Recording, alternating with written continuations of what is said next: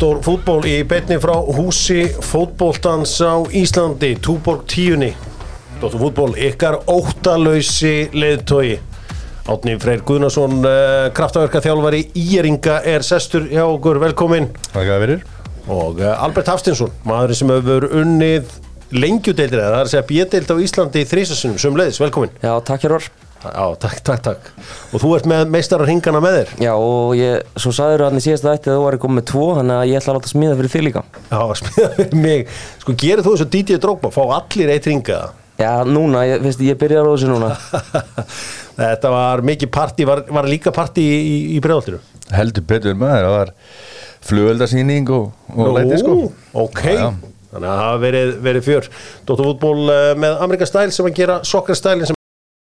fjör Dóttar fútból uh, með Amerika Style sem að gera Soccer Style sem er en góði og uh, svo er það uh, já, vinahópur Ólís mínus tíkall fyrir uh, þá sem eru í vinahópi Dóttar fútból Herðu, Lemon, núna getur þú pantar Lemon heimtín þú nota Volt, fer að Volt-appið pantar Lemon, ég gerði þetta fyrstskipti í kvöld og þetta var dásanlegt það mætti bara einhver meistari að heimtímin þegar ég var nýbúin að leggja frá mig síman og ég var að byrja að jafla.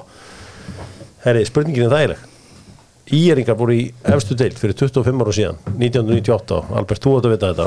Já, Hjörvar. tveggjára vitið hver þjálfaði liðið þá? En hér leiðis, Já, já. Það er, er hárið Club Legend. Það ekki? Jó, hann er það fyrir að hafa spilað.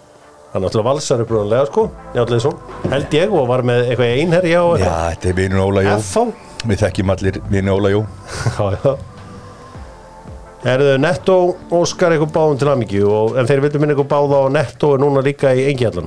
Að þið voru ekki alveg vissir um það. Ok, en Netto er líka í engjallan núna ekki, það er búið að koma í staðan fyrir Æsland Það er líkilega trím það er líkilega tri kannski byrjum á þér Albert. Uh, þú svona þóttir númer og lítill fyrir framarana í erfstild rækir sig leður að fara.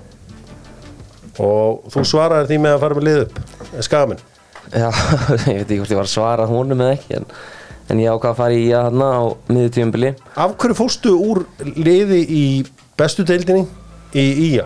Uh, ég var nú búinn að velta þið fyrir mér uh, aðeins fyrir tímabil, hvort ég ætti að breyta til og ég var kannski ekki alveg sáttur við uh, framarana hvernig þeir hérna, klúruðu þessu liði 2021 liði sem við fórum upp með. Já.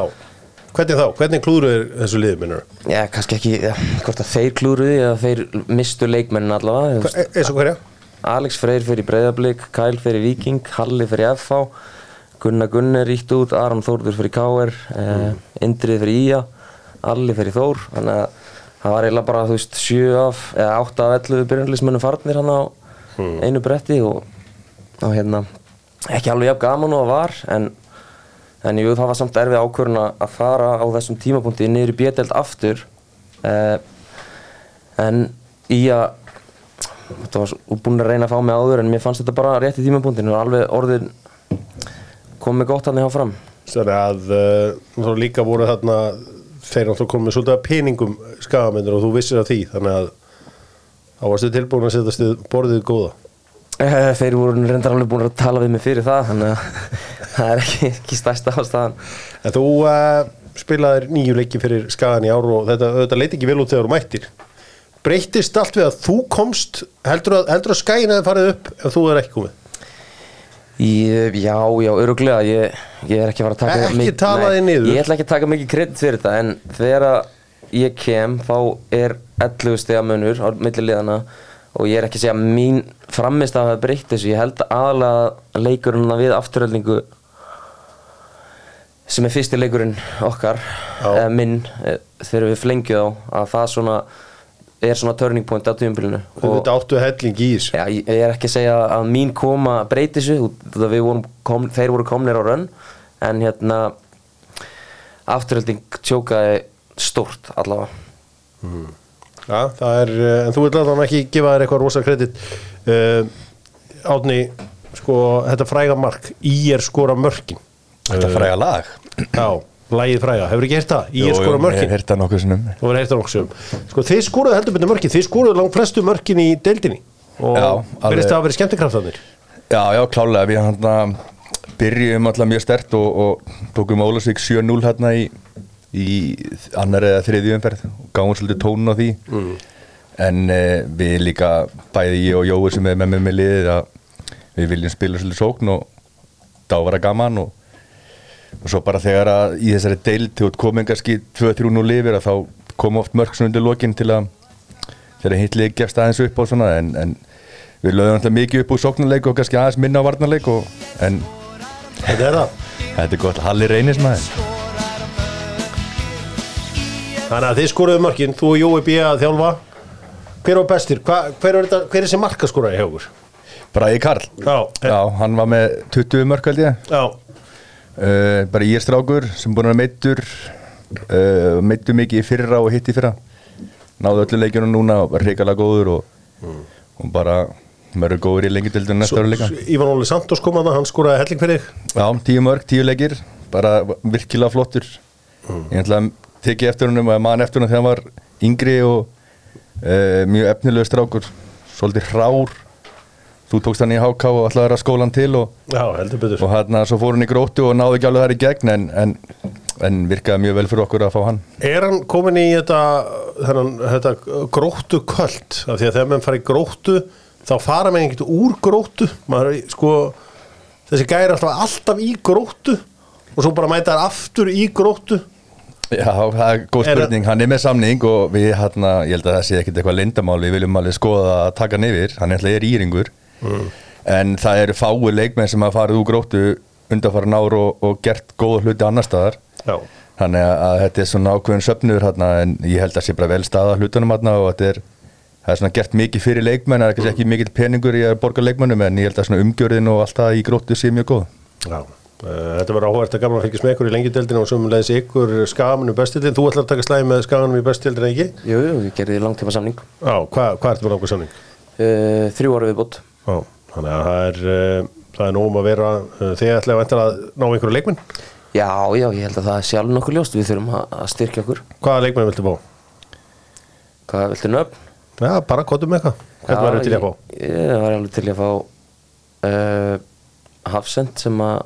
Kottum með nafnið, Já, bara ég- kallað á hann. Já, Kæl Kæl, já. Ég var alveg til að fá hann. Já, Ég held að hann geti hent okkur vel. Svona Sterkur og stór og eða ekki sterkur og stór, sterkur og fljótur og hentar vel fyrir okkur. Já. Að, uh, þú, þú ert að byggja hann um að koma tíðin í, í skagan Já, Já, það er kannið ekki? Ég á breskur kanni. Já, breskur kani Það er góð uh, Það er góð blanda Breskur kani, það er nýtt. Ha, Það er heldur betur nýtt En uh, við slum kíkja aðeins á uh, Hvað gerist í leikjunum í dag. Við byrjum að sjálfsögðu á Hell Week Í uh, lengju deildinni. Hell Week auðvitað með Nóa Sirius sem eru styrtarar uh, bestu deildarinnar. Það voru tveir leikir í dag og á vestfjörðum mættust vestri. Og hérna fjölnir? Vestri með 1-0 sigur. Var þetta bara easy eða fyrir, fyrir vestringana Herru, ég horfði allan leik í stórkostlir útsendingu. Þar sem að myndavæljum var svolítið langt frá vellinum en, en, og lýsandinn er virkilega góður. Já. mikill heimamaður. Já. og hann var svona byggð mennum að slaka hans á og hætta sér tuði og þetta var svona var með ættfræðin á hreinu á sínum mönnum og, og súðavíkutengingar og alls konar þannig að það var bara mjög skemmtilegt en vestri voru betri. Þetta var alltaf svolítið svona harður leikur, eh, mikið af lungur sendingu, mikið af návíum og, og vestri skorar hérna bara gott mark í fyriráleik fjölnir hefði getið fengið víti í setna áleik sem sást nú ekki droslega vel á vídjónu en það er svona, kemur fyrirgjöf og, og varnamærin einhvern veginn slær boltan þegar hún leiðinni niður þannig að ég held að þessi Bjarni sem, eða Máni sem að fær dauða færi en hitti þó ekki boltan alminlega og það báðu allir fjölnismennum víti og hlupa dómarunum og ég held að sé svona ágætisregli ef að tíu manns hlaupa bara að þér og trillast bara þá er eitthvað sem gerði sko. Já, Þannig að ég held að þetta hafi verið víti og, og þá hefði það farið eitt eitt en, en vestri voru heilt yfir sterkari sko. sástu, sástu þetta Albert? Ég sá fyrirháleikin Já. og þá var útsendingin reyndar allt í lagi en mér fannst eins og hann segir vestri bara betri. Það kom mér ekkert svakalega óvart. Uh, Já, þeir Þeir, hann sagði hann Úlfur, það er bara hálfleikur og, og það er hár rétt hjá honum. En ég held að fjölnir sé með besta liðið í þessu playoffs dæmi. Já. og allavega með það sem, þau lið sem ég spilaði við. Þannig ég, ég held að þeir klári samt þetta einvegi Já, við sáum að þeir voru ekkert alveg að kasta sko vaskinum í þá en í lokin, þeir voru alveg rólegir Þa, það var eins og það sem ég fann skemmtilegt í þessum leik var að þegar að leiknum er uh, líkur og í útsendingunni þá er rödd sín til mig kannast við. Það er svona verið að sína eitthvað hérna í lokin. Eða hlustir núna.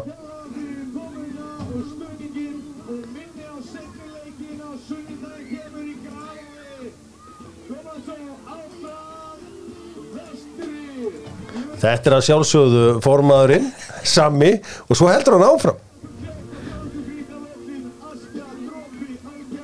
Þakkar styrtar aðilum. Þetta er rosa, það er engin annan formaður í deildinni sem að gera þetta sko. Nei, nei, hann er magnaður, ég held að hann geri allt annað sko. Já. Ég held að, eh, veist, ég hitti hann að Davíð Hjálfara í vetur og þá var hann að segja að hann er að moka völlin og hann er bara allt múlít mann hjá þeim og veist, svona lið þurfa auglöslega að hafa eitt svona kall á svæðinu til þess að að halda öllu gangandi. Að, þetta er trillt. Er ekki gerfigræs að koma þannig? Var það ekki öruglega Jó, það er eitthvað pæling. Er, hvernig völlurinn það? Hann var ekki góður, ekki dag Nei, ég held að hafi líka verið svona fjóra gráður og vindur og þannig að grasið er ekkert að... Þetta er hell week sko. Já, það þarf að fá gerfigræs að það er komast upp um deilt, það er bara klárt Já, það hlýtur að vera gert eitthvað þarna. Ég held að þeir klára þetta. Ég held að það, svona, þetta sé svona bókílið á fjölni, sko. Já, Ég held að fjölnir eigi erfileikum með það og, og ég held að vestri klára þetta. Sjáum til hvernig það fer allt saman og uh, í hinuleiknum mættust leiknismenn og afturölding þar sem afturölding vann 2-1 þetta mikið búið að ganga á afturöldingu þetta algjöra hrun þeirra. Sko einhverju minna, eh, sko að segja þetta hrun hafa mynd á Arsenal-liði fyrra í barátunum Man City með, með stóra liði hangandi fyrir aftan sig. En þeir rífis upp í dag og, og unnu 2-1 Já, uh, sko þeir leiknismenn er, er hérna er með alvöru sko center sem að á heim í efstu deild og bara svo Já, og það er eiginlega ástæðan fyrir að þeir eru að nýja þessu playoffi Já, og ef hann verður onnit í setni leiknum þá held ég að, að leiknir fari áfram úr sem sko. hvað hættu þú? Leiknir eða, eða afturölding? Ég held að afturölding klára þetta, sko. Já, hann var Ég held, ég held að þessi er bara með betra lið, sko, heilt yfir. Bet, svona sterkari varnarlega, þeir eru með Rasmus og, og hann hann Aron og hann að þeir eru konir í góða stöðu og geta leiða hans tilbaka, þá held ég að þetta verði erfitt hjá leikni. Herður að uh, Vigfús þjálfari uh, leiknismanna var með pillur á uh, magga.net, hann vildi meina sko, að þeir eru að leggjast bara tilbaka og, og, og, og hérna beita Skindirsson Já, þeir sögðust hafa breytt nálgun sinni sjálfur eða ekki í viðtali eftir leik þannig að hann hlýtur að hafa eitthvað til síns máls að það Minn er það ekki líka bara allt í lagi? Jú, ég meina, hann var bara svona eitthvað að, að fætta fingur út í þetta svona þeirra leikskipulag að, að þeirra allt í einu bara lagst þér á teig og, og ætla að verjast. Já, ég menna þegar það er nýtt fyrirkomulega þá þarfstu kannski að reyna nýja hluti. Hitt var eiginlega ekki að virka fyrir Er, er ég hrifnur að þessari Hell Week? ég persónulega ekki nei. Ég held að það sé mjög gaman fyrir bara áhuga mannina sem er að horfa á þetta og fylgjast með þessu en ég held að það sé hræðilegt að vera í þessari deild og nú erum við að fara að spila þetta næsta ári að við erum að koma upp þannig að það er kannski stutt í eða stittra í play-offs heldur en að vera í titil eða toppára til að fara upp.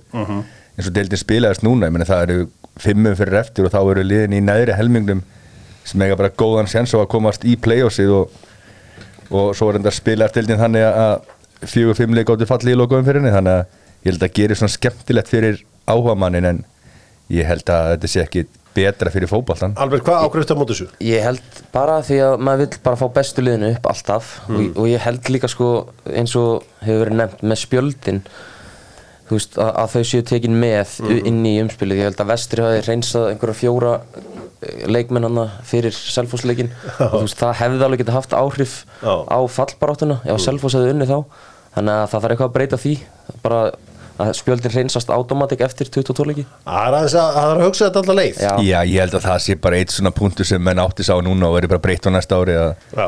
að það komi bara eitthvað nýja reglur í þessu play-offsi ég held að það sé allir saman á það og líka er bara þessi frábæra regla sem Júfa eða FIFA kom með á svona tíma og það missir enginn af, af úrslitaleik út á guðlum spjöldum Nei, ég held að þeir, hana, þeir vestraði að teki Mourinho í realtaktikina og voru bara í tvær mínútur að taka aukaspinn út á miðjum velli sko. Að, Já, í næst síðast reiknum Já. Eðlilega já, já, það er það sem ég er að segja, það þarf eitthvað aðeins að endur sko þetta. Já, þetta er uh, hárétt, þetta er góð pæling að það þarf auðvitað að skoða þetta hvort að uh, þetta geti virkað svona. Við ætlum aðeins að uh, áðurum við andum áfram og förum við boltan út í heimi þá ætla ég minni ykkur á það að þeir sem er frættir útlanda nú er bærins bestu fyrir að selja bjór og leiðin út. Það er alltaf reysa stórt. Eða sé bærins bestu í leifstöð og svo annars vegar að sé að fá sér bjór aðna. Ég er að fara á sunnudaginn, þannig að það er bara, eh, maður hlýtur að stoppa þarna í byrjun. Hvað, hvert var það? Ég er að fara til Svíþjóðar í einhverja skólaferð, þannig að með einhverjum kennurum, en við byrjum á AEK Djurgarden, sko. Já, ok, það er skemmtilegt. Já, Magni Fannberg, vinnu minn, hann hjálpaði með mig miðana og svona, þannig að það er lett. Te- Þú ert náttúrulega nýbúið með tímbil, er það Tenerife eða? Nei, nei, ég, ég er að fara uh, á Manchester United, Manchester City Já, góða skemmtun. og Blackburn Swansea Já, Tökum það í, í svona pakka heldur betur vel gert. Það erum að gera að kíkja aðeins út fyrir landstyrnuna. Uh, Breiðarbygg spilar uh, fyrsta leikinn sinn í sambandsdeildinu og verður þar með fyrsta íslenska liði til að vera með í sambandsdeildinni. Uh, þessi deild var auðvitað búin til fyrir okkur og við erum nú loksins að þykja þetta bóð og verulega vel gert hjá Breiðarbygg. Robby og félagar, Rory Delap aðstofamæður hans, sko getur ekki allt gest Jú, ég held að, að það hafi verið svona jákvætt, þetta geta tekið að jákvæð úr þessu að hafa farið hérna og skítapað í umspilinu um Evrópudeildarsætið og farið kannski átt þess á því að þú getur ekkert farið í þessa leiki og spila þinn fótbolta, þarf það að leikja meira tilbaka og spila meira vörn Já. og ef þeir gera það, þá náttúrulega þurfa hinn að koma framar og þá eru þeir hættilegur á breykinu, þannig að ég held geta alveg allt gert í þessum leik. sko ég veit ekki alveg hvernig staðan er á uh, meðslum og annað hjá uh, Ísraelunum en hann er þarna hann Eran Sahavi sem er svona gaur sem þið hafið séð á svona live score miljónsum hann er hann skora alltaf sín mörk hann var í Kína skoraði eins og óður maður sko Maccabi Tel Aviv áður hann fótt í Kína þá var hann 34-29 nei í öllum keppnum 46-35 48-35 56-49 Ekki fínt að hann verði bara meittur eða? Já, ég bara veit ekki hvernig staðan er á honum en hann er náttúrulega mjög fullorinn í dag þannig að ég fættur 80 og 7 og hann fættur 87 þannig að þetta er ekkit unglamb. En Þeir eru örgulega með fullt af góðum leikmennum, þeir borga ágætlega hérna í, í Ísrael í þessum stóru liðum þannig að ég vona bara að blikarnir verði flottir fyrir íslenska fótballta sko. Já, erum við ekki helst að sjá að sækja stig á móti þessu ukrainsku liði Já. Ég, ég sé ekki Já, Maccabi hérna heima geti alveg verið stigma Er það? Já, veistu hvað er heitt í Tel Aviv núna? Ertu ekki skamaður? Tekur ekki veðrið alltaf? Er ekki alltaf rók hvað sem er það? Nei, allan að það verður mjög heitt þarna á morgun, þetta verður staðar í kringu 30 gráðunar uh, sem betur fyrir reyndar sko leikurinn frekar seint í Tel Aviv sem er jákvætt. Því að þeir eru þremur tímum á undan okkur. Uh, hvað hérna, hvað gerir Óskar? Er þið með einhverjar svona einhverjar, einhverjar lausnir fyrir hann? Þú veist að þetta er náttúrulega búin mjög lélegt í síðustu leikjum hér heima og kannski hausinn algjörlega komin að þetta verkefni. Já, ég held að það sé líkilpunkturinn hjá þér, ég held að eins og við spilum við FO síðustu helgi þar sem FO voru bara betri aðalinn ég held að, að þeir eru ekki komni með Evrópasæti fyrir næsta ár. Right. þannig að ég held að þeir myndi taka þennan leika mútið FO og fara bara all in og, og, og rúli við á og, og tryggja eiginlega fjórðarsætið. Og, en þeir töpuðu þeim leik og eru kannski í smá vandræðum í deildinni en en þeir þurfum alltaf að klára Evrópusæti fyrir næsta tímbil en leikurinn á morgun ég held að hann verið með verður hann ekki með Clement frammi og kannski fljótari vangmenn og menn sem vinni kringum hann. Og kannski aðeins fleiri varnamenn í varnalínunni hann verður ekki kannski með tvo miðjumenn í sikurum bakvörunum og en svo alltaf getur vel verið að hann fari bara að spila fótbolta og Fannst þér hann barnalegur í þessum leikjum múti FCK og Svartfjöldikum? Nei, og var að Bosníumennurum fyrir ekki kannski ekki badnalega, ég held bara að hann hefði haldið að þetta svart lið frá svartfjallalandi hafi verið bara þeir voru alltaf lengi snillingar. Mm. en þannig að datt allt fyrir þá í hálfleiknum og voru 5-0 lífur í hálfleik. En í setni leiknum, ég, ég held að hann hefði farið aðeins með belti og axlabönd í fyrirleikin þá hafði hann getið tekið úrslit úr setni leiknum og ég held að hann hefði lært bara að því. En á móti FCK finnst mér alveg svona hugmyndafræðin að fara bara í þann leik og, og spila sinn fótbalta því að veist, í hundra leiki á móti FCK og þá erum við ekki að vinna marga leiki. Nei, nei Þetta var, þessi FH-leikur var algjört klúður því að það var langt mikilvægast leikur, leikur þeirra í þessu þeir hefðu unnið hann og þetta bara verið nokkuð þægilegt eftir það Já. en út af þær tapunum þá er þetta komið í svolítið vesen sko. Já, þetta verður nefnilega, það er nefnilega málið. Þetta er komið í smá vesinn og við erum, þetta, það er enn meira vesinn í kvöld því að eitt af þessum liðin sem er að slást við og náði í stig. Meirum það síðar. Uh, já, sendum uh, bestu kveður til Ísrael og förum þá í bestu deildina. Þar sem fórum fram tveir leikir í dag. Steipustöðun og Doktorfútból auðvitað með umhverfisvæna steipubílinn. Ég er alltaf að fá sendar myndir á honum hver sem hann fer. Alltaf þakkláttu fyrir myndir af honum. Eh, Víkingur 2 KR 2 eftir að hafa verið 2-0 undir káringar sínaði karakter og koma tilbaka. Já, ég heyrði Aronni Þóru í, í hátteginu og hann sagði mér að það er nú ekkert fagnað í kvöld þannig að Nei. þá gæti maður nú bara að bóka allavega x eða 2 í þessum leik. Já, en hérna maður bjóst nú samt við því að Víkingur myndi klára þetta í kvöld en eins og við vorum að tala um í náðan næsti leikur það sé ekki skemmtilega fyrir það að klára það þá.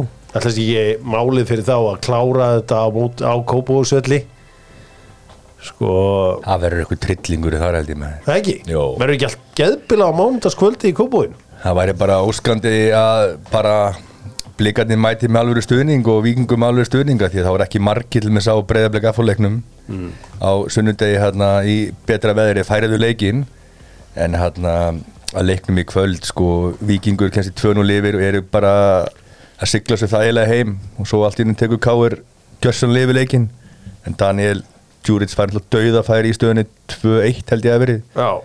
Þar sem hann skýtur fram hjá þannig að hægra menn í tegnum einnum átti marki og skýtur fram hjá vinstra menn þetta er bara hálf galið rétt áður en þeir jafna káringarnir og svo var bara eitthvað darradans í lokin og, og, og mikil spenna. Já, heldur betur. Og uh, Simon Kerrivold uh, svona vann þetta svolítið fyrir þá eða sem sagt vann þetta stig fyrir þá afsækið þegar hann varði glæsilega frá Byrnisnæði Inga sinni undir lokin, ég menna þetta, er, þetta er, skiptir ekki öllum máli það er samt þreytandi að klúra niður tveggja marka fúrustu eins og vingandi gerir þessum leik. Já, já, þeir eru vantalega tilbúinir að fagna bara komnir í 2-0 þannig að þeir eru alveg smá sárt að ná ekki að klára þetta í kvöld. Já, það er, en ég meina það var líka, ég menn þeir eru byggamestur á lögadaginn og, og nú veit ég það að að það var partí og átó hjá þeim á, á lögadaginn og, og ég held að menn hafa ekkert verið eitthvað að spara fögnuði fyrir leiki núna á miðvikudaginn þannig að ég- held að menn hefur bara tekið vel á því og haft gaman og, og, og svo þeir, eru búin að vinna titilinn.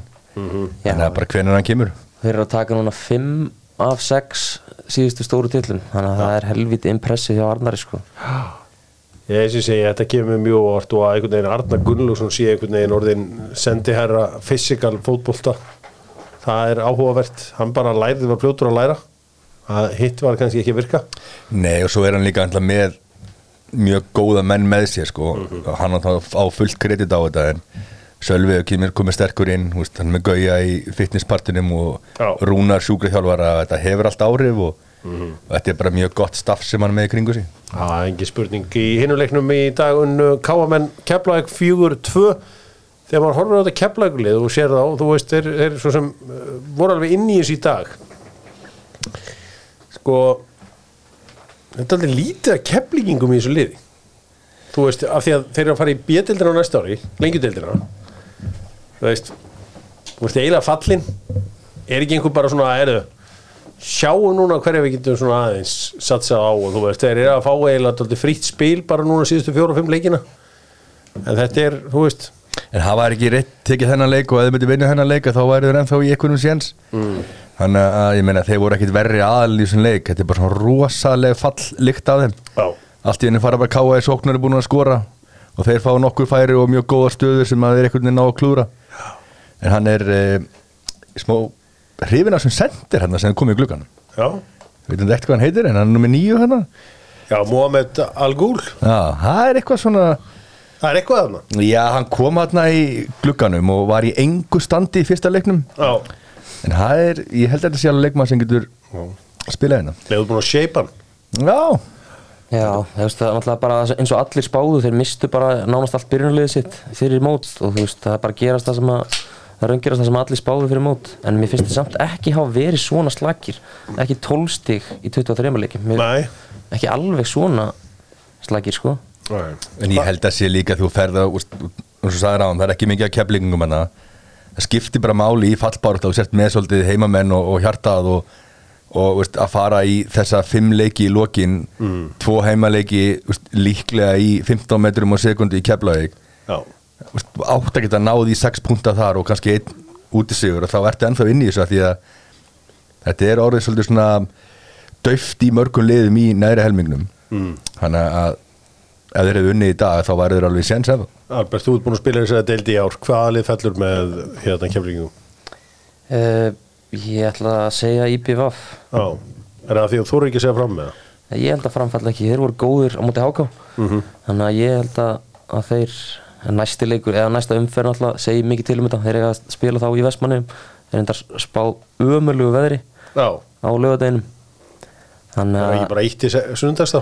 Já, það er enda fín spá á sunnudeginum þannig að það er spurning hvort það gerir það. Já, en, en það er að náttúrulega bara leikurinn sko. Já, það er nú bjútið við þetta stundum að þetta færa þetta aðeins ef að þetta lítur eitthvað hörmul út svo við fáum eitthvað fótbolta. Já, þetta þarf alltaf að ráðast á því ef að, ef að að það gefur auðvitað Þetta er betur, þetta var fýtt sigur hérna káman á þegar þeir voru konið í 2-0 eftir 5 minútur maður var svona að fylgjast með þessu þá held maður að þetta er eitthvað bíó. En uh, kemlinga voru ekkit á þeim buksunum að láta eitthvað pakka sér saman. Nei, nei, voru bara tæpir að jafna hana í, þegar það var 3-2 í 3-3 en svo allt í henni fór bara að káa upp og skoraði 4-2 og, og það voru alveg færi eftir það múst, í uppbóta tíma og, og, en þeir eru bara með slagast að liði keflaðið og eru að fara niður. Eru ekki farnir niður eða? Eru fallnir eða? Þeir eru, Nei, nei, eru ekki fallir officially. Þetta er 8 stig af- og 12 í bóttunum Já, þetta er séns. Þetta er þá góður sjens uh, Förum í meistaradeild Evrópu gerum það með uh, mínumönum í Nokko og uh, Nokko þetta í meistaradeildinni þegar kemur að orkudrykkjónum það var menninganótt í München í kvöld þar sem að FC Bayern tók á móti Manchester United fjögur þrjú í hörku leik þar sem að stemdi allt í að við værum að fara að fá veislu í setni hálfleik þegar að staðum að 2-1 kemur fyrirgjöf og einhver skalli aumur í hendina á uh, húnum hérna Kristján Eriksen og sænskur dómari sem að bara fer í skjáin og neglir á víti. Hvað er að frétta? Sko, mér fannst þetta ekki í víti. Sko, maður sá þetta á fyrstu endursýningu. Þetta er ekki í víti. Já, og síðan fór hann að horfa þetta aftur og aftur og aftur í einhverju slow motion, einhverju myndaðalum bak við markið og upp í loftinu. Já. að þá leiti þetta verður út en ég meina þú ert bara að horfa á þetta á sjónarhóttni hans og sér þetta sé ekki í víti og bara áfram með leikin sko. já, þetta var mjög sérstætt ég einhvern veginn bjóst aldrei við að þetta er að því að þetta var ekkit skalli á liðin á markið eins og þessi, þessi ákvörðum fór svolítið með leikin uh, hins vegar, já, fengum við öll þessi mörk í lokin uh, Andri Rónana gerir þarna hörmuleg minnst ekki í fyrsta markinu þegar hann veri ekki skotana uh, hérna Sani Já, ég var að pæla hvort við fengjum nýjan svona power rank lista frá þér. Já, Anga á Bestu markmenn. Viltu fá nýjan lista? Já, ég var svona að pæla því svona, þú varst ekki með Ónana í öðru sæti þar. Spurning hvort það er eitthvað að endur skoða það væri, nei, nei, ég eins og ég segi meistaradeildin byrjar eftir áramót. Þetta er, uh, maður sá líka í hinnuleiknum í dag að þau lið eiga ekkit erindi í þessi lið eftir, eftir þessa menningáttíð í dag? En ég meina United hefur klúðrað síðustu árum þegar hafa verið þessari keppni á móti einhverjum minni spámönum og hafa verið í tölvöru brasi þannig að ég held að þeir sé ekkert að fara til Tyrklands eitthvað og, og valti við galt þessari ræði En uh, hvernig fannst ykkur þessi leikur þessi hérna átnið því að þú horfðir á hann fyrir mig uh, bæinn á móti mannstjónut Sko, mér fannst það bara mjög mikil skemmtun sko. Mér fannst þarna uh, United byrja alltaf mjög stert hefði mögulega getið fengið víti í byrjun eftir fimm mínútur og fengur svo dauða að fara upp á því sem að Eriksson áttur alltaf að klára. Uh, svo alltaf gera onan hans í hörmuleg mistök uh, og 1-0 og þá tóku bæinn aðeins yfir leikin en hafa svona karakter í þessu United að koma aðeins tilbaka og og hérna sköpuði sér aðeins og, og ég held að þessi Rasmus Haulund sé alveg leikmaður sko. Það er bara eitthvað stykki hérna frammi og hann er svona ógnandi og getur skallaðan og hann er svona stór og sterkur og skoraði annan leikin í röð. Já, og hefur svona verið típan sem að Júnand hefur vant að undarfarið ár. Að að fá eitt svona duglegan sem getur hlaupið aftur fyrir línundar og, og hérna hérna þetta var nú ekkit alls slæmt en bara hræðilegt í svona leika að, að gera svona markmannsminnstök um, Það var uh, það er svo sem ekkit mikið um hennar að leika að segja. Þó er hann að fara fjögur þrjú það er ekkit endalust þetta að uh, góla um þennan leik því að kannski áhugaverður fréttinar í þessari hérna, uh, umferð ja, á, á þessum degi í dag var Galatasaray mútið FC Köpunum því að sko greið Orri Steinn Óskars uh, Orri kemur inn á Það hafa þetta alveg hárrétt hann kemur inn á á svo mikið sem 70. mínútu og hann er farin út af á 7050 mínútu. Þess að uh, þeir fá rautt spjald, spjald uh, Elias Jellert fær sitt annað gula spjald. Og þá bregður uh, Jakob Nestrup upp á það ráð að, að, að hérna, henda orra út af. Þetta er náttúrulega bara Já, þú veist, þetta er náttúrulega svekkjandi en ég minna, held að hann það er lítið við þess að segja svo sem skilur, þú veist, þjálfur verður að taka einhvern út að hann gerir hann tvöfaldabreitingu mm, og hérna ég held að Orri geti ekkert verið að svekja sig mikið við þessu. Nei, nei. Það þetta er samt- lítur að vera, hefur, hefur lent í þessu? Verður að koma inn á og tekin aftur út af Nei, reyndar ekki. En Það er 2-0 þegar hann fór auðspjaldið Já. og hann er búin að setja orra inn á sem við erum ferski fætur og þeir eru vantilega að, að að þjætta liðið. Já, er ekki betra að hafa ferskar mann inn á í staðin fyrir að halda einhvern sem búin að spila 70 mínútur fyrir loka 20 mínútur? Ég held að það var bara komið á daginn. Já, þannig að ég held að Jakob hafi bara gert mistök. Já, ég fá einhverjum. Eða fá einhverjum? Eða fá einhverju við stjórnverðin sko, eitt af þeim karaktersinkynum hérna Orra sem ég hef heyrt að sé mjög mikið með honum er að Orri er vist súper jákvæður. Hann er sko ekki hinn dæmigerið fótbollamaður, hann er mjög svona umtalsgóður, umtalsgóður, er það orð? Já, segja það. já, já, uh, hérna þú veist hvað hann er jákvæður, ef hann heyrir eitthvað nafn þá hefur hann eitthvað gott um hann að segja. Þið veitir hvernig allir fótbollamenn eru þetta eru tuðarar, er ekki bróðin tuðari ánni? Jú, eftir svona 2-3 þá er komið hann annars er hann bóðalega róluður Já, hann röflar hann. Já. Allir fótbollmenn röfla konstantli allan daginn. Og það er eiginlega 99% af hlutum eru ómögulegir. En ég hef heyrt að morra hann sé nokkuð jákvæður og að það sé ekki hann er ekki að fara að sparki einhver húsgögn eða út vikuna eh, Nei, nei, það er líka, þeir eru náttúrulega með mikla áherslu á að komast kannski, reyna að komast þess langt á að geta í Champions League og deildin er náttúrulega, hún á að vera svolítið gefins fyrir þá, þeir eru með langmesta budgeti og þeir eru með besta liði, þannig ég held að hann fá alveg fullt af leikjum, hann er ennþá ungur þannig að ég held að ef hann spila vel í deildinu þá fær hann fleiri mínútur í Európa-kefni og, og ég held að þetta sé bara er er þetta ekki bara lærdómur? Jú, jú, þetta Þú líka bara að ná sko þriðjasætinu skiptir miklu máli fyrir FCK sko, að það er ekstra svekkjandi að missa þennan leik niður tvekja marka sigur niður sko. að tveggjumarka fóru stöðan niður og uh, þetta er góð, góð úrslit fyrir mannstjónat og bæinn myndi maður halda Já, Já, sérstaklega Manchester United, ég held að bæja muni verður nú bara með átjónstegi sko Já, bæinn vinnur alltaf þessa reyli, reyla með 16-18 stegum. Það er nú bara, þú veist, vaninn að þeir eru kongarnir fyrir árumót. Svo bara byrjar allt, allt unnu keppni eftir árumót. Er það ekki þannig? Jú, jú, þeir eru ekki með jafn, með svona, þeir eru ekki með jafn spennandi lið og oft áður sko, þetta Harry sem komur hérna, hann var nú ekki hann sást nú ekki mikið í dag, skora á viti og, og hann, en Lað upp. já, já, en hann var ekki en hann er kannski þannig leikmaður líka hann er ekkit alltaf eitthvað í í boltanum, en hann skora á viti og, en ég held að það séu með svona smá kynnslóðaskipti er ekki hérna Musiala og, Jú, jú. og þessi kallar að Þeir koma eru inn að vera klárið maður, þeir eru heldur betur að klára og Líró Sani er að spila vel í Lundurum voru það uh, Arsenal sem að tóku á móti PSV Eindhoven. Stóru fréttinnar fyrir hennar leik. David Raya byrjaði aftur í marki Arsenal uh, greið uh, Aron Ramstil sem aldrei hefur spilað í mestaradildinni uh, satt bara á bekknum. Menn að vera þetta Albert, þú veist, hvar var mælirinn fullur hjá uh, Mikael Arteta? Það, var það City leikurinn setni í fyrra, var það Southampton leikurinn, var það bara Nottingham Forest leikurinn? Nei, nei, ég- eða voru það bara gögnin sendingagögnin sem að nú hafa tröllrið á internetinu var það það sem fyllti mælin eða hvar var mælinin fullur á þeim spænska? Uh, ég held að engin mælir fylst sko, ég held bara rökréttast í stöðunni uh, ef þú horfir bara yfir liðið, þetta er svona nánast fullkomin lið eins og staðan er í dag og þessi staða var kannski svo næsta sem að þyrta að styrkja.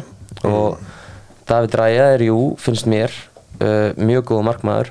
Hann er bygglu betri markmaður, við segjum bara hlutin eins og þeir eru Já, já, já, just ég ætla ekki að þræta fyrir að hann er kannski ekki miklu betri en mér, mér finnst hann líta mjög vel út, já. Uh, mér finnst kannski full grimt að gefa ekki ramstil þennan leik. Mér, ég held að myndi gefa hann mann því að hann kom okkur hana. En hérna, hvernig heldur þetta að fara í hópin?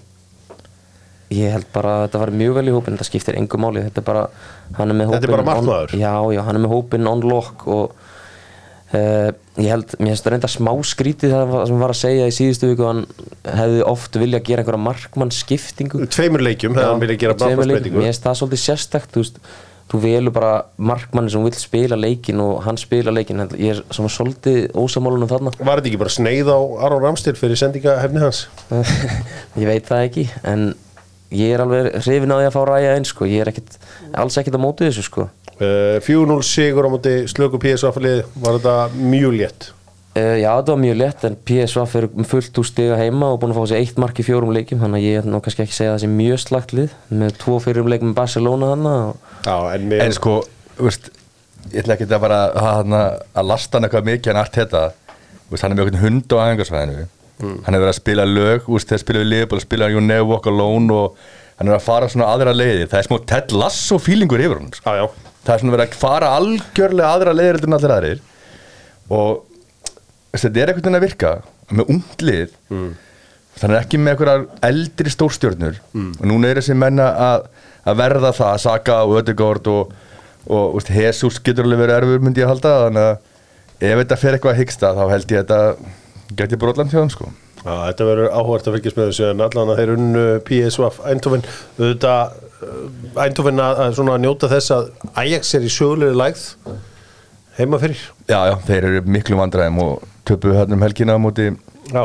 þrjú eitt held ég. Kristján í liðinu og svo er hann bara fann að spila eitthvað úlingaleiki, eitthvað barnaleiki sko. Já, þetta er, þetta er svona kannski kerfi eins og við viljum hafa hérna heima. Ef þú spilar ekki aðeins með aðliðinu þá máttu spila með Young Ajax það er eitthvað svona eitthvað reglur og eitthvað svona x margir leikmenn en við viljum bara sjá hann komast í þetta lið af því þetta er eins og segir eitt slakasta Ajax lið bara í öruglega eitthvað ára tugi þannig að fá hann bara inn og, og, og springa út og, og vera alveg leikmaður. Mér finnst þetta full mikil hjartenging að vera að spila fyrir framann fullan völl og með aðliðin og henda þessu bara í, í varliði á nokkrum dögum. Þetta, er, þetta er bara alvöru, svona er þessi harði heimur áttunumennskunar mennskan er ekkert grín uh, í hinnum leiknum í þessum reyli gerðu Sevilla og Lans Lán uh, 1-1 í aftöfli Sergio Ramos fekk sér að sjálfsögðu eitt guld spjald en uh, frábær úslit fyrir Lán Já, þetta er bara hörkur íðill, sé við er bara kongarnir í Evrópu og sér það bara landsir með það stertlið að það ná í punktana.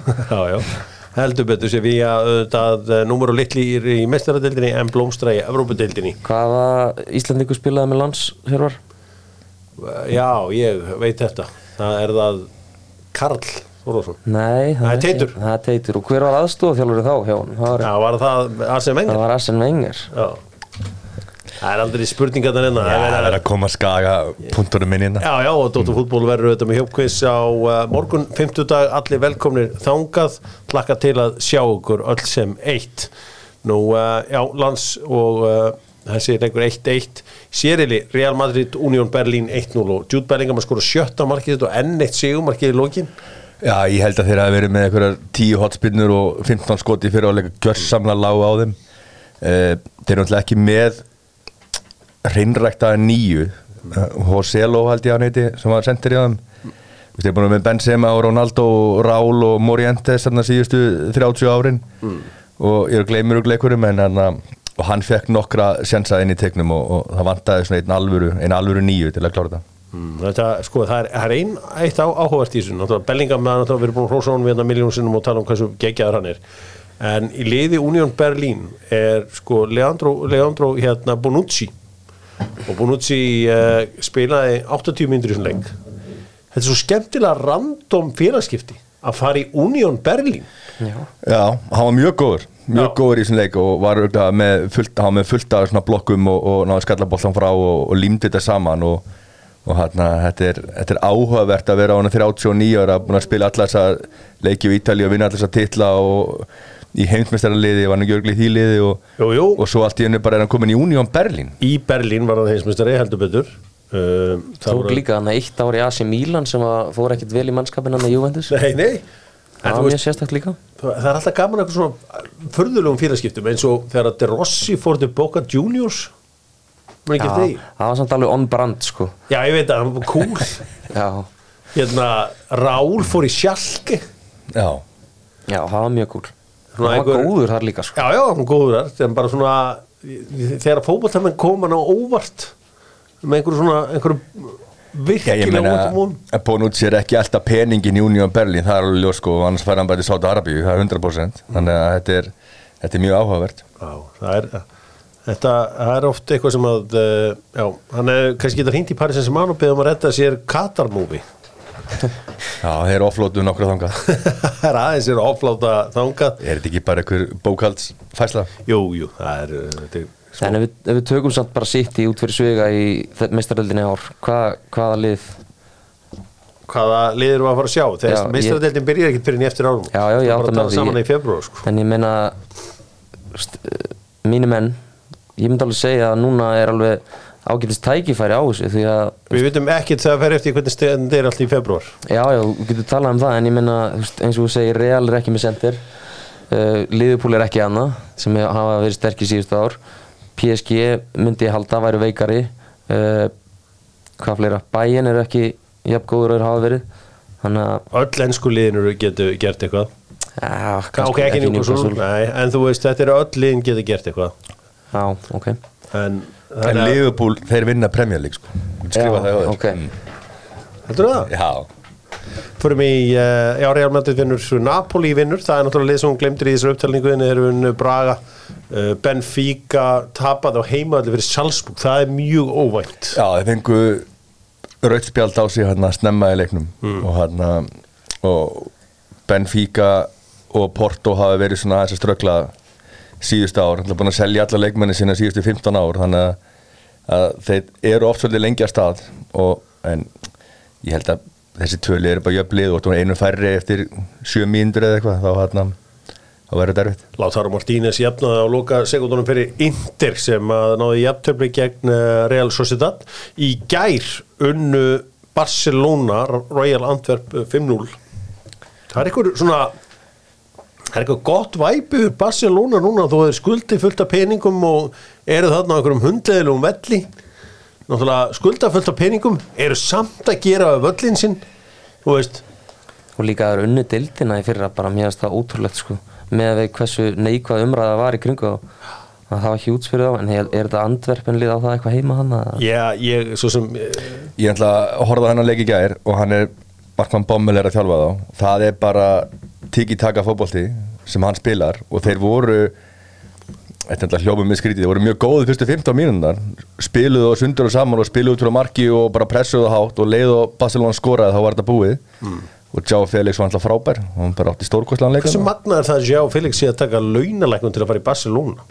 var hann ekki bara alveg þunglindur hann hjá Simeon eða? Jú, jú, en bara, þetta er aldrei merkilegt og tekið það ekki, launalæknum. ef þú ert með 300 pund og ferði í 200 pund er það ekki bara allt fínt eða? Jú, jú, en þú veist, þú veist hvað ég á við menn er ekkert mikið í þessu Nei, Nei, nei. En ég meina, hann var hann með eitthvað mikið að öðrum optionum til að fara í svona stórlið og vera ykkur hlutverki? Ég, ég veit það ekki, en, en pældi í góðu samtali sem Jóni kallar á skrifstofuna hefði hérna, við erum hérna með lið sem við fáið lán Já, hvað? Býstu við eitthvað Albacete eða eitthvað? Barcelona Þessi geður þetta Já, bara, og alltaf er gríðulegt talent og hefur ekki náð að springa út eins og menn byggust við en þetta geti verið kannski mómenti núna Fænord vinnur uh, Celtic í erðili þar sem að Joe Hart varði vítaspilnu en átti líka sök á einu marki Fænord úr beintur aukarspilnu Lazio Atletico Madrid 1-1 þar sem að Provedel jafnaði í lókin markvörður uh, Lazio. Hafið þið verið inn á vellinum þar sem markmaður skorar? nei.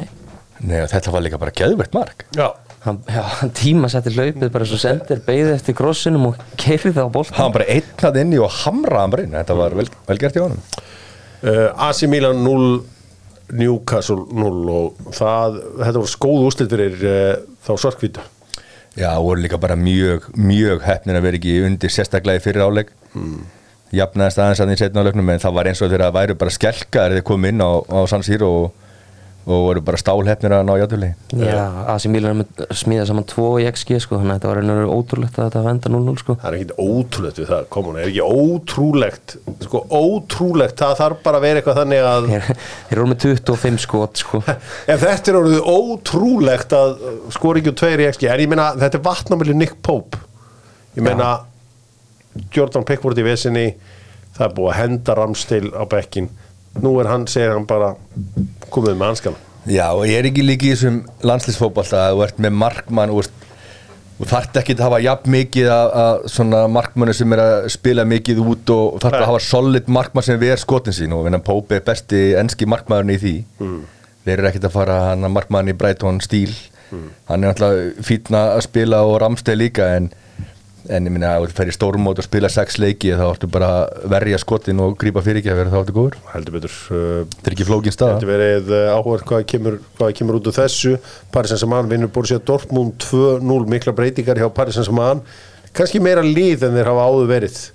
Sko ég heyrði frá leiknum um helgina að Milan Skrinjar hefði spilað eins og með ískáp á bakinu. Hann var svo hægur og það rýmar rosalega við upplöfun mína á Skrinjar á móti Slovakíu hérna á móti Íslandi. Mér fannst hann umulugur í leiknum. Ef þú hefði sagt við mig að heyri, það er eitt leikmar hérna sem er að fara til PSG Já, Þú ég bara, ég, ég geta bent á leikmann sko. Nei, og þetta er ekki svona típiskur leikmaður að vera í svona liði sem er með boltan allan tíman og, og útvart hafa smá hraða og svona snerpu en ég held að PSG að vera með Mbappe einan ekki með Neymar og ekki með Messi það hendar honum miklu betur. Það er mjög erfitt að vera inn á vellinum að þrýr að þrjár stórstjörnur eru hérna og vilja allir fá aðtiklingna og vilja allir hafa boltan og ég held að eins og sagði, þetta er miklu meira liði núna þetta er bara liði hans, nú er hann bara andlitið og Já, liðið Hansen, hann er í smá stund því að hann er náttúrulega Já, við gefum okkur það að hann sé náttúrulega að fara næsta sumar til Real Madrid. Já en ég skil ekki voru þeir ekki alveg harðir á því að hann myndi ekkert fá að spila eða hann myndi ekki endur nýja samningin Jú, jú, en bara, Heldur að, sérðu það hann fyrir þér lengi að þarna? nei nei. Þér ekki eitthvað líkt að, þú veist, það er bara lungu búið ákvæða Ég meina, Real eru bara búin að gera svo litlu græðin þegar hann búin að sapna fyrir uh, Mbappe Já, já, það er Ég bara meina þeir eru með bara, það vantar eitt leikmann í Real Madrid. Mm. þannig að maður maður reikna fastlega með því að hann komi bara kannski ekki í janúar en næsta sumar fara hann 100% í Real Madrid verður, uh, ég held að það sé eitthvað til í því að hann verður farið okkar. Minnum við kannski minnast þessa rosalega glugga hjá Paris Saint-Germain sumarið 2021 sem pínu misjefnaðas. Uh, Messi, það hefnaðast ekki. Saman á því. Já, með að hversu góður hann er Já. en minna, hann er með ágætist tölur með bara venjulegan fótboltamann Já. en með við það að þetta sé besti leikmaður sögunar að þá er þetta gætur í flokka þetta sem feil, ég minna þeir fara ekki langt í í Evropakeppni og, og deildin var ekkert Þeir unna hana bara tvisar Já. Já, en þú veist, þeir eiga náttúrulega að vinna hana bara með 40 stegar mun sko. Gini, að- Van Aldum endaði bara, endaði bara með tímabilaðna svo sem var held ég allir lagi Ramos, feil Donnarumma verið að ströggla svolítið. Þú veist þetta, það hótti hann besti markmaður í heimi. Hann er nýbúin að vera Európmeistar með Ítalíu þarna á þessum tíma. Uh, og svo reyndar náttúrulega Hakimi kemur þarna frá Inter Milan sem að auðvitað er, er success en, þessi svakalegi gluggi maður svona hann er, hann er eins og hann er. Leipzig vinnur Young Boys uh, Manchester City vinnur uh, Rauðu stjörnuna þar sem að Erling Haaland skoraði ekki. Nei, og voru 1-0 undir í hálfleik. Já, Það er þessi Julian Alvarez er miklu betri en, en ég held hann er bara með sturlaðar spyrnur líka aukaspyrna sem hann var að taka sko. bara svona, minnir á De Bruyne hann bara hamrar í. Þannig að hann er skeri góður þessa stundina sko. það getur líka verið áhugavert fyrir uh, þá að, að sko, nú er Kevin De Bruyne meitur nú er Bernardo Silva meitist í þessum leik líka. Þannig að nú reynir enn meira á, á Julian Alvarez. Já, ég meina Fóten líka kannski allt í lagi að hann fái nú raun að leikjum og fá að vera ykkur hlutverki þetta þannig að ég held að það sé alveg með nóga marga menn. Meina Kovacic sem meitur líka og það var eitthvað einni viðbót svo tóku hérna hann Núnes frá Wolves þannig að þeir eru alveg fullt af leikmunum Já. en þegar þeir spila í Európa-keppni og deildinni bara tvo leiki í viku að þá munur hyggst eitthvað staðar. Og það er ástæðan fyrir því að Liverpool vinnur deildina. Sko, já, já, þetta er áhugavert ég er bara, þetta eru, þetta eru mikla kenningar hjá þér með að Leopold vinni deildina Ef að setja eitthvað undir þetta Já. Á ég til 19 liðin eða? Sko maður veltir einu fyrir sér þegar maður er að horfa á hann leika því ég var að horfa á hann leik með hérna, Snorra Sturlussoni við yrtast að fasteignarsala landsins Sko hann, hann sagði við mig sko ef að Moises Casado og Declan Rice kostar báður 100 miljonar pluss þá hlýtur hann hérna Rodri að kosta miljard punda þú veist þetta er bara þessi gæir og allt hann er plánetu í þessari stöðu en aðri leikmenn Já, í þessu liði sérstaklega líka ég er ekkert vissum ef að Rodri er alltaf frábær leikmaður en ef hann myndi fara á miðjuna United ég er ekkert vissum að hann myndi láta liði tilka bara á einni sekundu Ég ætla sko. bara, hann er að segja á hreinu, ég fekk frítt verðmat Ég held samt sko, við getum ekki verið að setja Ræs og, og Kai Seito í sama flokk eins og staðan er núna sko, við ættum bara að leggja auka 20 inn á vestan bara svo við séum ekki dónarlega við það sko. Já, hann er svo sem átt uh, gloppóta leiki til að byrja með uh, Declan Rice og já, vorandi að það er svona að fara að byrta til hjá honum uh, gengið svona upp og ofan ef uh, svo má segja. Nú við slum fara aðeins í uh, enska boltan Það er auðvitað leikið um helgina. Arsenal uh, Tottenham. Og hann verður mættur til, þeir verður mættir til minn þeir Gunnar Birgisson og Viktor Unnar Íllóðsson á föstudags morgun að hita upp fyrir hennar leik. Það verður heldur betur uh, Viktor er mjög harður tóttunamaður, Er Gunni Arsenal maður? hann heldur maður já, það er svona geti komið einhverjum óvart en hann heldur með Arsenal sko Heru, það er uh, Þetta er alveg söpnur hann í Arsenal sko. Þetta er alveg já, þetta er svona svolítið forsað. Þetta er svona eitthvað neginn og gangi illa í mörg ár. Þetta var náttúrulega fyrsti leikurinn þegar ég mistaði þetta í sex ár. Já, hengur gleði. Já, það var aldrei slott hjá þeim. Herri uh,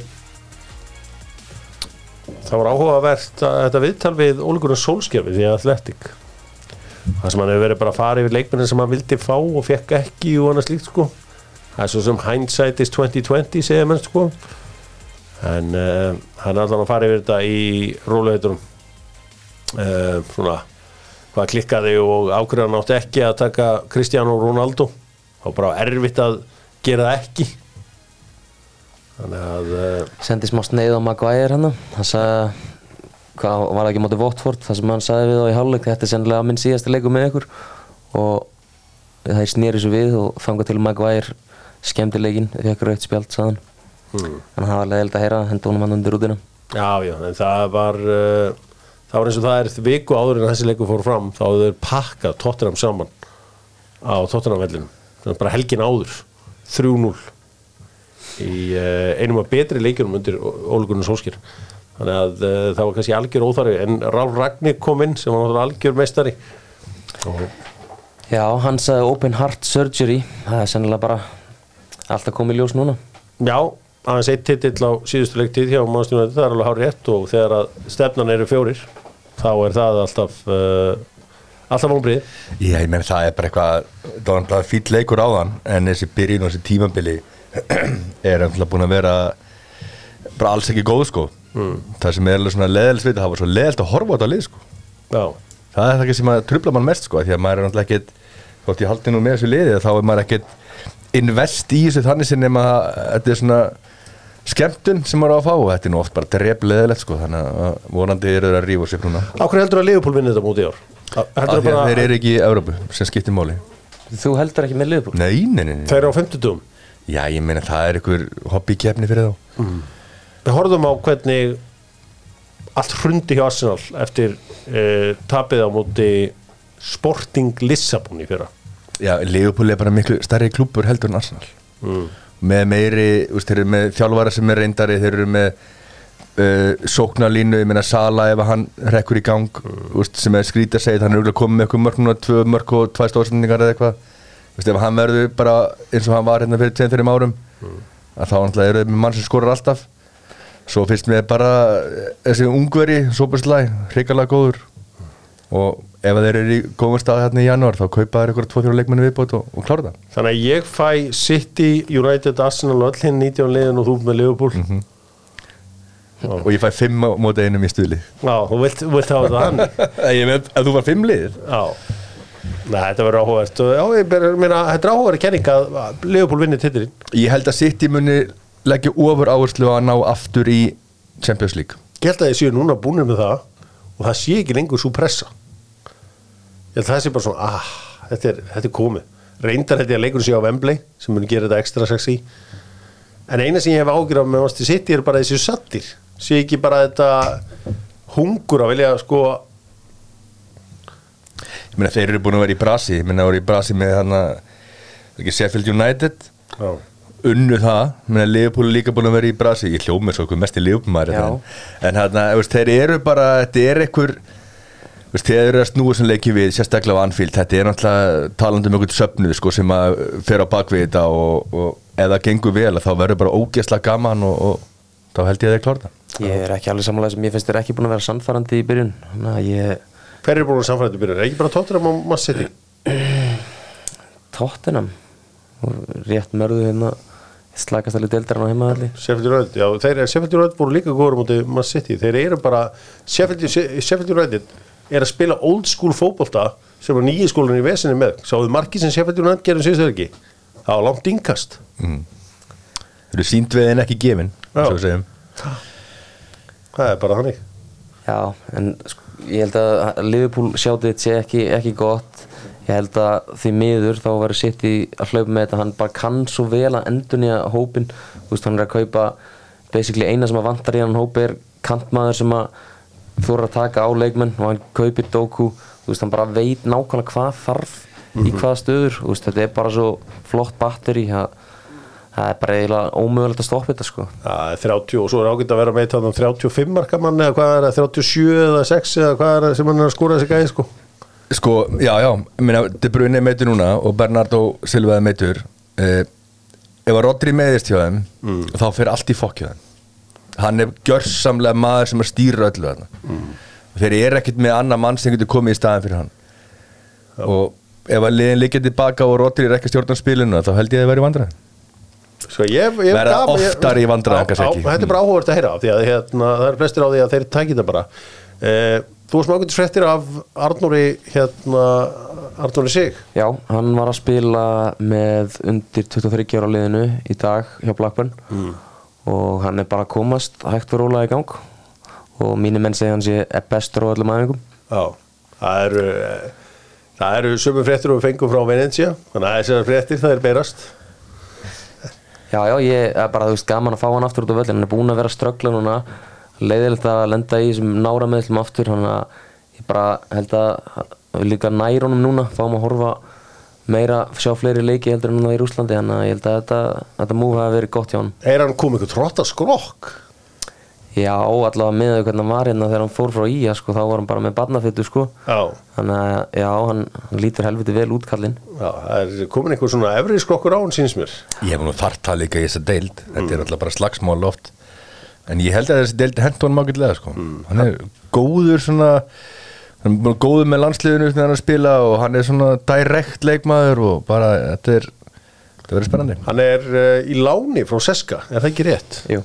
Já, það er auðvitað maður bara gleymir því einhvern veginn að sé sko, ég er nú ég held mér þess að livescore segir bara ekki frá því hvernig staðan er í Rúslandi er spilaði í Rúslandi? það er verið að spila í Rúslandi, já, já það er bara Seska er að spila þarna og Senit og allir sér lið sko það er alveg bolti á fullu þarna uh, Lítsar gerir 0-0 í aftöfli Hattusut og Stók gerir í aftöfli það er svo sem ekkit merkilegt í þessu. Leicester City unnu Norvitsjú 2-0 og svo er þetta afar uh, já svona pínlegt fyrir hérna hann, uh, hvað heitir hann? Kasper Ankergren hana, hvað heitir hann aftur? Rasmus Ank Ankersen fyrirgjöðu sem að er þarna ofurhugsuðurinn í fótboltanum. Hann er með Southampton. Þetta er gaurinn svona bak við Brentford og Nordsjælland nei, Midtjylland var það ekki? Hafið aldrei heyrt um hann, Goldmine Effect. Nei. það sem hann talar um uh, ég hef svo sem mikið talað með í þessum nóttum það er sem sagt uh, þetta er svona einhver motivational speaker eitthvað og hann á þessum bók Goldmine Effect þar sem hann er að skoða af hverju menn verða góðir í íþróttum og hvað svona félagsvæðilegar ástæður og annað slíkt. Hittir hlaupara í Jamaica uh, ég man ekki alveg hvernig hann hitti. Og fóru á einhvern samastæði í Brasilíu þar sem allir bestu leikmennir eru frá stærri Sá Pálo og eitthvað álíka. Og svona reynir að kynna sér söguna bak við success. Og hvað var hann að koma sér inn í Sáðantón Já, fyrir já, þetta fyrir, nei, fyrir síðast Já, fór beint niður. Er var hann í- rosa sniður og félagskiptamarkaðum að ná í unga leikmenn. Já. náttúrulega náði Lavia sem að var seldu með góðu profiti. Mhm. þannig að uh, viðskiptamótileg kannski gengur upp en ekki úslitin inn á vellinu það er að lesa þessi bók Já, ára að lesa hana, Goldman Effect og ég held að það er gaman að lesa hana og getur líka hlusta á hann. Vist, hann talar inn á hana sjálfur og hann er bara með nokkuð þólanlega ensku miða við Dana að tala ensku. Hann er ofta ekki það skemmtilega sem hún hlustar á en þetta er alveg þólanlegt með við allt annað. Uh, Michael Richards misti af CBS sjóinu í kvöld að því að hann var að, að slæta sér á belgnum held ég. Það var eitthvað Meðsli eitthvað meðsli. Og ég, ég náði þess ekki alveg hérna þetta var eitthvað þetta var eitthvað algjört bull. Ég veit ekki hvernig hann misti af þessu dóti en, en, en hann allavega hann meitti sig í einhverju þætti með Jamie Redknapp að League of Their Own sem er svona einhvers konar spurningaþáttur. Þannig að uh, Chelsea er að fá 400 miljóna kassbúst frá uh, Ares Management. Og þá verða það að geta að fara aðeins að að hérna stækka aðeins þegar spáði að kaupa Sporting Lissabon. Þannig að sömu eigendur munu þá eiga Sporting Lissabon og Chelsea. Þannig að það voru hægt að offlóta eitthvað af þessum leikmannum til Sporting Já. Lissabon. Kaupa bara fleiri leikmenn. Kaupa fleiri leikmenn. Búin að fara yfir Lill Hákon Fiskaði viti já, 2-0 sigri. Það veist bara mjög góður. Hákon, hvað þeir eru hérna með Klagsvík í riðli. Lill já, Lilli með Klagsvík í riðli. Það verður eitthvað. Búið að spila við Klagsvík þetta er magnað. Já, bara magna afreika að, að þau séu komin í þessa keppni og, og ég held að sé líka þannig að það er það eiga eiginlega lið frá öllum löndum að komast í riðla keppnina fyrir utan kannski Gíbraltar og, og San Marino. Við eigum bara að gera kröfu á það að við Íslendinga séum að fara með eitt lið í riðla keppni sambandstildarinnar sérstaklega eftir árangurinn á blikunum núna og Viking og, og, og þessum liðum bara síðustu nokkur ára við séum komið svo mikið að stigum og við erum orðin sítið og það hjálpar okkur mikið. Eh, Það er spá því að Tasmaníu djöfullin í liði Liverpool Ben Doak byrji á morgun. Já, það eru, Í- það eru Lask sem mæta. Þeim. Ég meina að þetta er keppnin sem þeir eru í þannig að geta að spila kannski á aðeins veikara liði og þá er deildin, hún er klár Já, þetta er, ég hef ekki heyrt þetta ég hef svo sem ekki heyrt mikið af þessu að menn sé að spá þeim titlinum en uh, það er gaman að heyra eitthvað svona eitthvað annað heldur en uh, maður hefur heyrt. Það eru flestir á City. City. Arsenal City Arsenal. Það er svona flesti sem ég heyri í. Já, það er einhverju að tala um það? Ég held að enga trú á svarsanlega liði sko. Nei, áhverju ekki?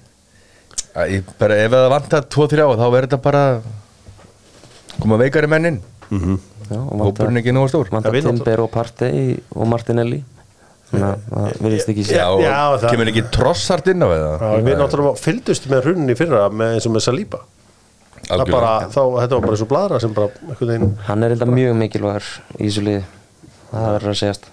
Það var sárt að fylgjast Ég með og, og. Jesus var ekki með í byrjun og hann er hérna Enkiet, en hann, Já. það, er ekki nóg góðu er til að leiða lið sem vinnum deildina bara því miður sko. Þetta verður, kemur allt saman í ljós uh, Ennski boltinn á flegiferð Ég er auðvitað með þá á uh, Föstudag. Þá bræður Gunnar Birgisson og Viktor Unnar Íllóðsson Þeir ætla að hitta upp fyrir þetta strókar Þið haldið áfram að fagna.